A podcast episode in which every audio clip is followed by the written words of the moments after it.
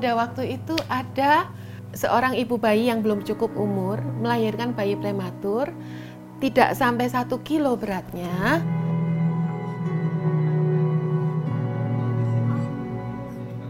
Konsep dari hidup kami adalah kami hidup kami milik Tuhan dan kami mau menyenangkan hati Tuhan melalui uh, melalui kegiatan kami untuk berbagi kasih Tuhan buat sesama. Ya, buat saya dan istri saya memang uh, kegiatan sosial ini uh, seperti refleksi refleksi dari apa ya uh, tujuan hidup kami. Jadi kami sangat percaya bahwa hidup kita itu ya sementara di dunia ini.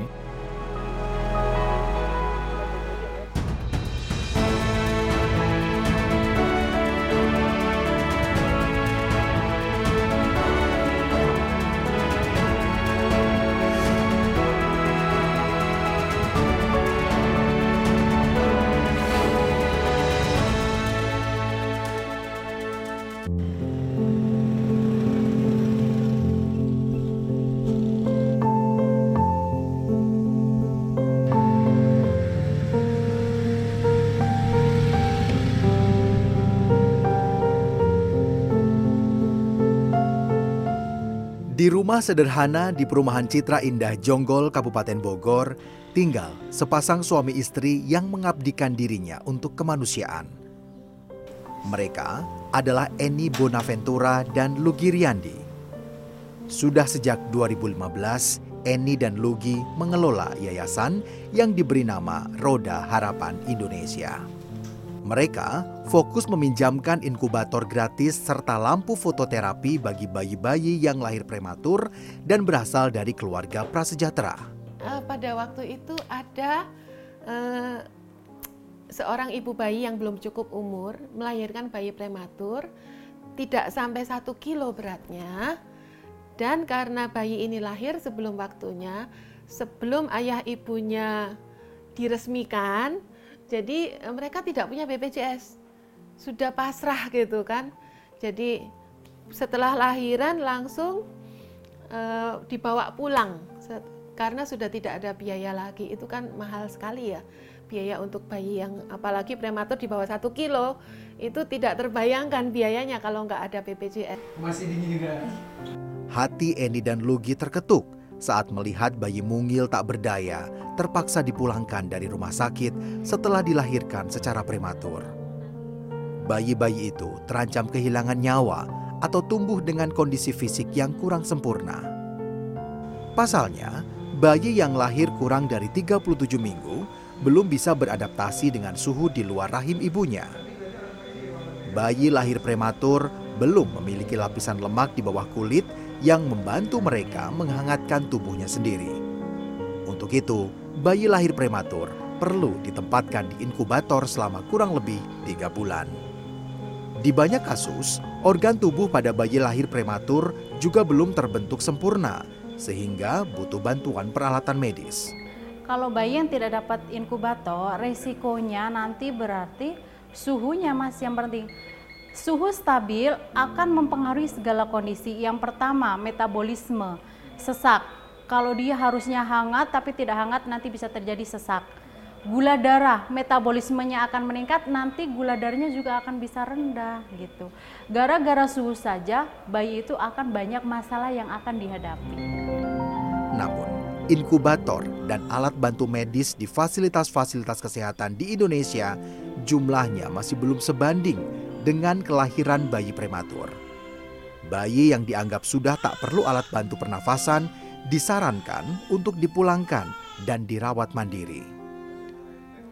Permasalahan datang ketika banyak keluarga prasejahtera tak mampu mengakses inkubator untuk bayi mereka. Di situlah Eni dan Lugi mengambil peran dengan mencarikan dan meminjamkan inkubator secara gratis. Eni dan Lugi mendaftarkan diri untuk menjadi agen relawan inkubator dari Yayasan Bayi Prematur Indonesia atau YABAPI.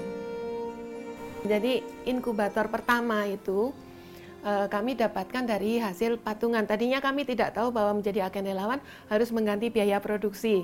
Tapi ternyata kebijakan dari uh, Profesor Aldi untuk apa untuk membangun tanggung jawab dari para relawan barangkali gitu ya jadi setiap agen relawan harus mengganti biaya produksi uh, inkubator dari satu unit inkubator lalu berkembang menjadi 14 unit Eni dan Lugi susah payah menggalang donasi untuk operasional Yayasan Roda Harapan Indonesia.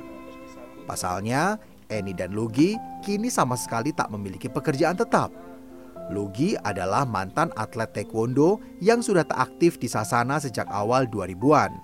Sedangkan Eni memilih keluar dari pekerjaannya sebagai arsitek sejak 2015. Keduanya mendedikasikan waktu dan tenaga mereka sepenuhnya untuk membantu sesama. Ya, buat saya dan istri saya memang uh, kegiatan sosial ini uh, seperti apa ya istilahnya uh, refleksi refleksi dari apa ya uh, tujuan hidup kami. Jadi kami sangat percaya bahwa hidup kita itu ya sementara di dunia ini. Begitu semuanya itu akan ditinggalkan dan kemudian yang bisa kita lakukan adalah mempersiapkan ya, mempersiapkan uh, kehidupan yang akan datang. Nah, saya percaya dengan melakukan ini ini adalah uh, apa yang Tuhan inginkan, Tuhan kehendaki.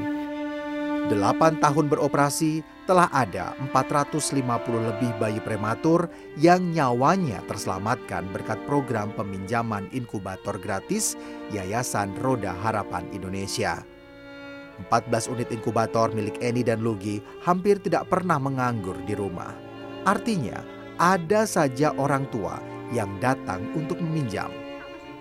Salah satu yang merasakan manfaat dari bantuan inkubator gratis ini adalah Esti Fatmayanti. Bayi kembarnya lahir prematur di usia kandungan 7 bulan dan memiliki berat badan di bawah standar. Akibat ketuban yang pecah sebelum waktu melahirkan, satu putri dari dua bayi kembar yang Esti kandung meninggal dunia. Berat badan waktu itu 1 kilo 6 on, dua-duanya sama. Yang satu langsung masuk nicu bayi karena ada masalah sama pernafasan dan observasi darah. Ada indikasi infeksi di darah sedangkan yang satu dokter bilang sih sehat eh, hanya karena berat badan tidak memenuhi standar satu putrinya yang selamat bernama Irna Nur Aini kemudian harus dipulangkan dari rumah sakit setelah kondisinya dianggap membaik. Namun, Esti yang tak bekerja dan suaminya yang hanya buruh konstruksi membuat mereka tak bisa membeli atau menyewa inkubator dari rumah sakit. Esti kemudian mendaftarkan diri ke program peminjaman inkubator gratis Yayasan Roda Harapan Indonesia. Jadi dia sudah bisa apa uh, mengeluarkan panas bisa uh, bisa mengeluarkan panas sendiri tadinya kan kedinginan uh, asal di luar sebentar dia cekukan terus bersin bersin uh, tangan telapak tangan sama telapak kaki itu dingin kondisi fisik Putri Esti mengalami perbaikan yang signifikan setelah ditempatkan di inkubator selama dua bulan terakhir ia juga telah bisa menghasilkan panas sendiri.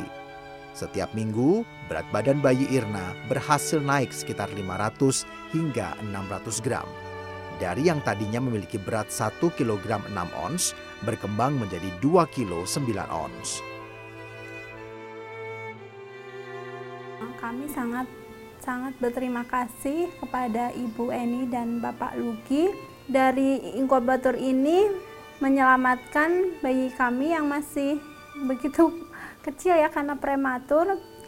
Jadi dia normal kembali standar bayi jadi sehat dia lebih sehat uh, terus berat badannya juga naik lebih cepat dan kami benar-benar sangat terbantu dengan itu.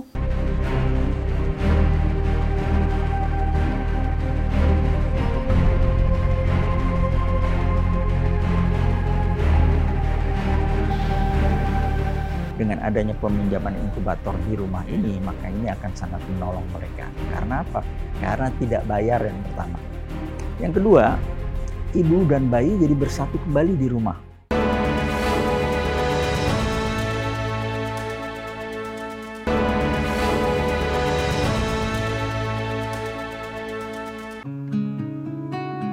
Indonesia menempati urutan kelima negara dengan angka kelahiran bayi prematur tertinggi di dunia. Menurut Organisasi Kesehatan Dunia atau WHO pada 2018, ada 675.700 bayi lahir prematur di Indonesia. WHO menyebut terdapat 15 kelahiran prematur per 100 kelahiran hidup di negeri ini. Sementara pada 2019, Healthy Newborn Network mencatat komplikasi kelahiran prematur menjadi 44% penyebab kematian bayi baru lahir. Artinya, kelahiran prematur menempati peringkat paling tinggi di antara sebab lain kematian bayi seperti kelainan kongenital dan pneumonia. Direktur RSUD Cilengsi, Dr. Kusnadi menjelaskan, kehamilan di usia dini serta kurangnya asupan nutrisi bagi ibu hamil menjadi dua faktor terbesar penyebab kelahiran prematur. Bagaimana gizi si ibunya saat hamil? Artinya bukan jalan berikut juga adalah mentalnya bagaimana si ibu hamil dia kalau mentalnya terganggu, stres mulu kan orang juga nggak bisa nggak mau makan dan segala macam kan itu kan mempengaruhi juga. Kemudian juga memang pengetahuan ibu-ibu hamil yang tidak memperhatikan asupan gizi juga mempengaruhi sekali. Pada semester pertama 2023, ada 176 bayi lahir prematur dari 426 total kelahiran di RSUD Cilengsi yang menjadi rumah sakit tipe B atau RS rujukan Kabupaten Bogor. Dengan kata lain, 56% ibu hamil yang dirujuk ke rumah sakit ini melahirkan bayi prematur. Namun sayangnya, baru ada 6 inkubator yang dilengkapi ventilator atau alat bantu pernafasan dan 4 inkubator biasa untuk melayani bayi-bayi prematur di RSUD Cilengsi. Jumlah yang jauh dari kata ideal jika dibandingkan dengan kebutuhan masyarakat. Perawatan bayi kecil itu, bayi eh, lahir kecil ya atau rendah, itu harus ada uh, perawatan selanjutnya. Home care-nya ini sebenarnya perawatan di rumah yang paling penting. Kami di sini untuk uh, memaksimalkan supaya fungsi alat-alat vitalnya berfungsi dengan baik. Artinya, nah otomatis kan perlu alat nih, pendukung namanya inkubator, pen, uh, penghangat ya. Karena mereka masih harus menyesuaikan dengan dunia luar ya, yang berubah-ubah. Mereka kami dengan memberikan bantuan inkubator di, di, di rumah secara gratis ya itu sangat membantu banget buat kami. Kondisi tidak ideal itu yang membuat seorang profesor teknik mesin dari Universitas Indonesia, Raldi Artono Kustur, menciptakan inovasi berupa home inkubator atau inkubator rumahan yang bisa diakses oleh keluarga prasejahtera. Ia mendirikan Yayasan Bayi Prematur Indonesia atau IABAPI. Ia mengembangkan kalor dan massa dengan memanfaatkan dua bohlam lampu berdaya 50 watt yang dipasang di bawah kotak akrilik. Sumber panas itu dianggap cukup untuk menghangatkan bayi di negara beriklim tropis seperti Indonesia. Eh, inkubator kami ini sistemnya eh, saya sebut sirkulasi natural, konveksi natural. Jadi kita memanaskan eh, ruang pemanas itu dengan dua bohlam lampu yang memanaskan udara di sekitar eh, ruang pemanas itu. Nah, udara kalau dipanaskan itu dia menjadi ringan. Masa jenisnya turun ya. Sehingga dia naik ke atas sendiri. Jadi kita katakanlah beri lubang-lubang di atasnya untuk supaya udara itu mengalir ke atas ke kabin bayi kita sebut. Inkubator rumahan karya Profesor Raldi dibuat ekonomis dan ergonomis. Satu inkubator hanya memerlukan daya 100 watt sesuai dengan listrik subsidi yang terpasang di rumah-rumah keluarga prasejahtera yang biasanya berdaya maksimal 450 watt. Inkubator ini juga mudah dibawa dan didistribusikan hingga ke pelosok karena hanya memiliki berat 13 kg dan mudah dibongkar pasang. Dengan adanya peminjaman inkubator di rumah ini, maka ini akan sangat menolong mereka. Karena apa? Karena tidak bayar yang pertama yang kedua, ibu dan bayi jadi bersatu kembali di rumah. Tadinya bayinya di rumah sakit, ibunya di rumah. Bolak-balik tiap hari either bapak bayi atau ibu bayi harus datang either mengantarkan susu atau uh, berbagai keperluannya lah. Sehingga ini menyusahkan. Bayi ditinggal ibunya pasti stres dong. Ibu meninggalkan bayinya stres juga. Jadi dua-dua stres. Nah, dengan bertemu kembali di rumah karena adanya inkubator di rumah ini, maka dua-dua stres itu hilang. Separuh penyakit bayi semua hilang juga. Kemudian dengan adanya bayi di rumah itu, bayi bisa menyusul langsung kepada ibunya kapan saja. Biasanya kan setiap 2-3 jam kan perlu ditetein. Sehingga bayinya dengan segera menyusul berat bayi normal. Untuk memperluas penerima manfaat inkubator ini, Profesor Raldi berkolaborasi dengan agen relawan di 147 kota di seluruh Indonesia. Eni dan Lugi menjadi salah satu agen relawan inkubator yang pertama kali bergabung. Bu Eni dan Pak Lugi itu adalah agen yang kami sebut gold agent, agen level emas. Artinya apa? Mereka itu sangat kreatif. Dari tadinya hanya punya satu inkubator, kemudian dua inkubator, sekarang punya 14 inkubator.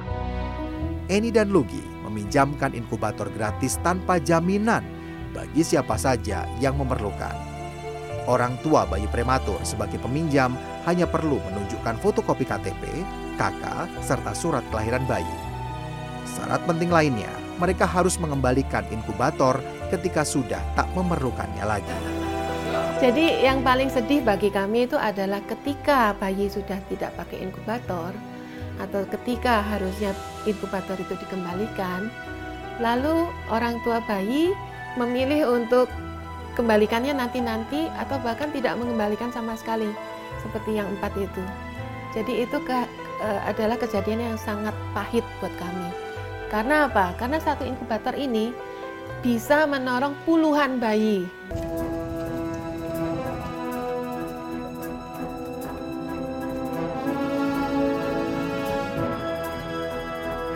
Aku sangat berterima kasih ya ketemu sama beliau ya, sama Bunda Eni dan Bapak.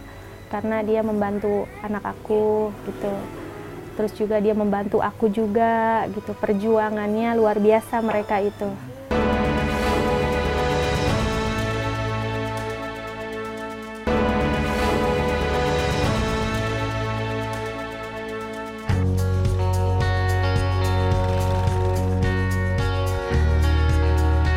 Dari menjadi agen relawan peminjaman inkubator gratis untuk bayi prematur, layanan di Yayasan Roda Harapan Indonesia berkembang menjadi beberapa unit.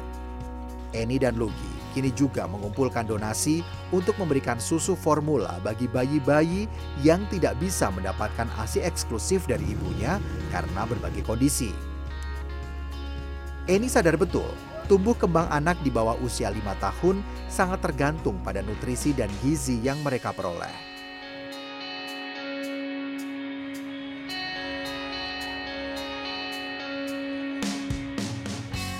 pelayanan pembagian susu formula itu sebenarnya berasal dari peminjaman inkubator gratis, pengembangannya seperti itu. Jadi eh, pada awalnya dulu itu ada seorang ibu bayi yang mempunyai hipertensi, dia harus minum obat, dia tidak boleh menyusui bayinya. Jadi eh, sedangkan kondisi ekonomi dari ibu ini dan keluarga itu tidak memungkinkan untuk beli bahkan uh, susu paling standar yang untuk bayi BBLR seperti itu. Jadi akhirnya kami uh, berinisiatif untuk membantu mencarikan donasi bahkan dari kantong sendiri juga dari mana-mana kami usahakan supaya bayi ini tercukupi kebutuhan susunya.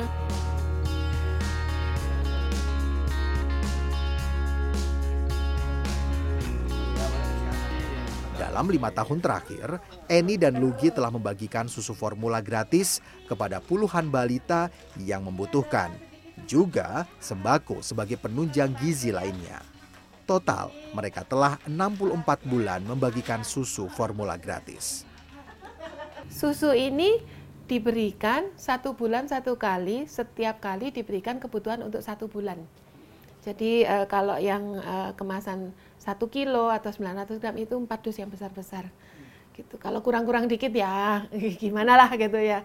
Tapi itu kami rutin setiap bulan. Setiap bulan kami e, berikan bagi yang sudah di assessment memang layak dibantu.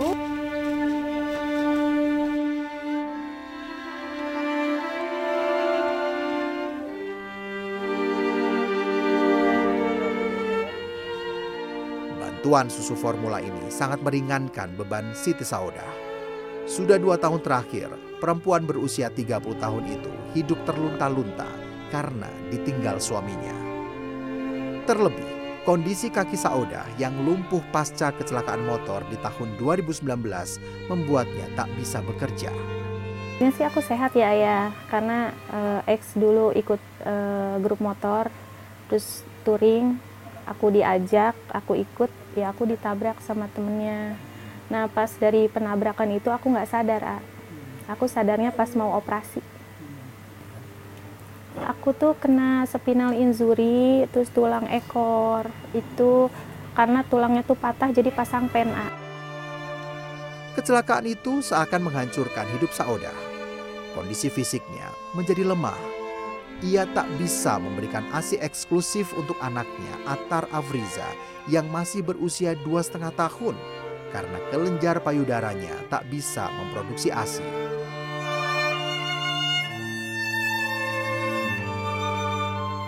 Jadi memang aku dari hamil juga kan biasanya kan kalau orang hamil ada pembengkakan di bagian ini ya payudara. Cuman kalau aku nggak, tetap seperti ini. Nah, emang benar-benar nggak ada asinya, udah dipancing. Sebelum mendapat bantuan dari Yayasan Roda Harapan Indonesia, Sauda harus mencukupi kebutuhan susu formula sebagai substitusi ASI bagi Atar dengan merogoh kocek hingga Rp600.000 per bulan. Harga yang tidak sedikit baginya yang tidak bekerja.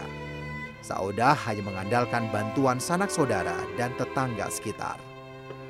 Namun, sudah beberapa bulan terakhir, bebannya itu sedikit terasa ringan saat kebutuhan susu bagi Atar dibantu sepenuhnya oleh Eni dan Lugi.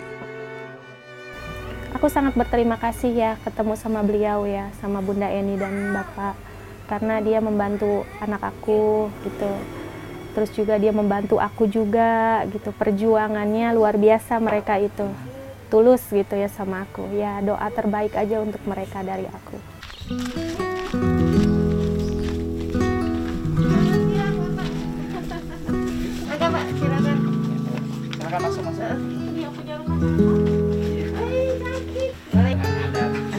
Hal serupa juga dirasakan oleh pasangan Rizky dan Nabila.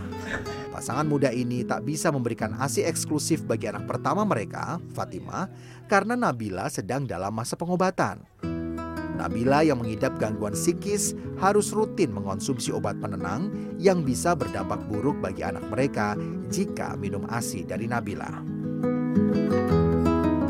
Uh, beliau ini uh, minum obat, jadi terus menerus minum obat. Jadi efek obat itu akan menyebabkan si anak tersebut akan ngantuk terus gitu loh. Jadi saran dari dokter memang tidak diperbolehkan untuk minum susu ASI ibu gitu. Sayangnya, penghasilan Rizky sebagai guru honorer di sekolah dasar tak cukup untuk membeli susu formula untuk Fatima. Gajinya hanya habis untuk mengontrak rumah dan pengobatan istrinya. Mereka kini bergantung pada bantuan susu yang diberikan oleh Eni dan Lugi. Terima kasih banyak karena bantuannya memang sangat-sangat dibutuhkan dan memang ini tetap te, tepat sasaran lah kepada yang membutuhkan dan juga ini sangat luar biasa lah mudah-mudahan juga uh, lebih banyak lagi orang yang bisa membantu orang-orang yang membutuhkan gitu. Layanan peminjaman inkubator dan susu formula gratis kemudian terus berkembang sesuai permasalahan yang Eni dan Lugi temukan di tengah masyarakat. Mereka kini juga mengumpulkan alat kesehatan seperti kursi roda, tongkat krem, tongkat tripod untuk dipinjamkan secara gratis bagi siapa saja masyarakat yang membutuhkan. Seperti diketahui, kursi roda itu uh, buat masyarakat uh, tertentu itu merupakan barang yang uh, mewah ya, tidak terjangkau. Nah, jadi uh, uh, mereka uh, sangat membutuhkan sekali. Nah, bahkan ada satu kasus itu ada orang yang menunggu bantuan kursi roda itu sampai tiga tahun, sampai tiga tahun. Jadi uh, kita bisa pahami karena memang kan kalau apa pengajuan ke uh, dinas uh, sosial itu kan memang antriannya panjang begitu dan mereka pun anggarannya terbatas.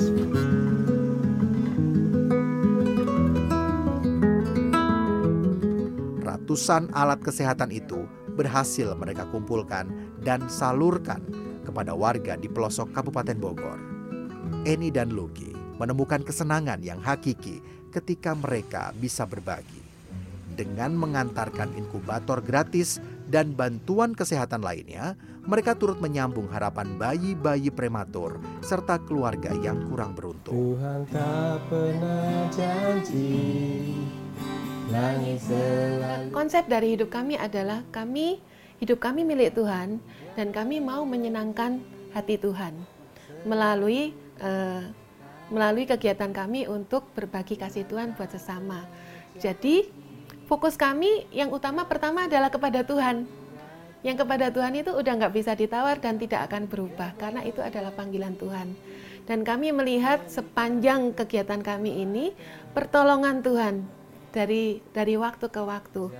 Jadi buat kami sepertinya uh, tidak akan pernah bosan, tidak akan ada batas waktu begitu. Jadi selama uh, kami masih ada tenaga, ada usia, ada nafas, begitu kami akan melakukannya begitu dengan senang hati. Karena uh, kesenangan yang kami rasakan ketika menolong sesama itu berbeda sekali dengan kesenangan yang didapatkan misalnya dari hal materi ya. Jangan pernah menyerah Jangan berputus asa Mujizat Tuhan ada Saat hati menyembah Jangan pernah menyerah Jangan berputus asa Mujizat Tuhan ada bagi yang setia dan percaya.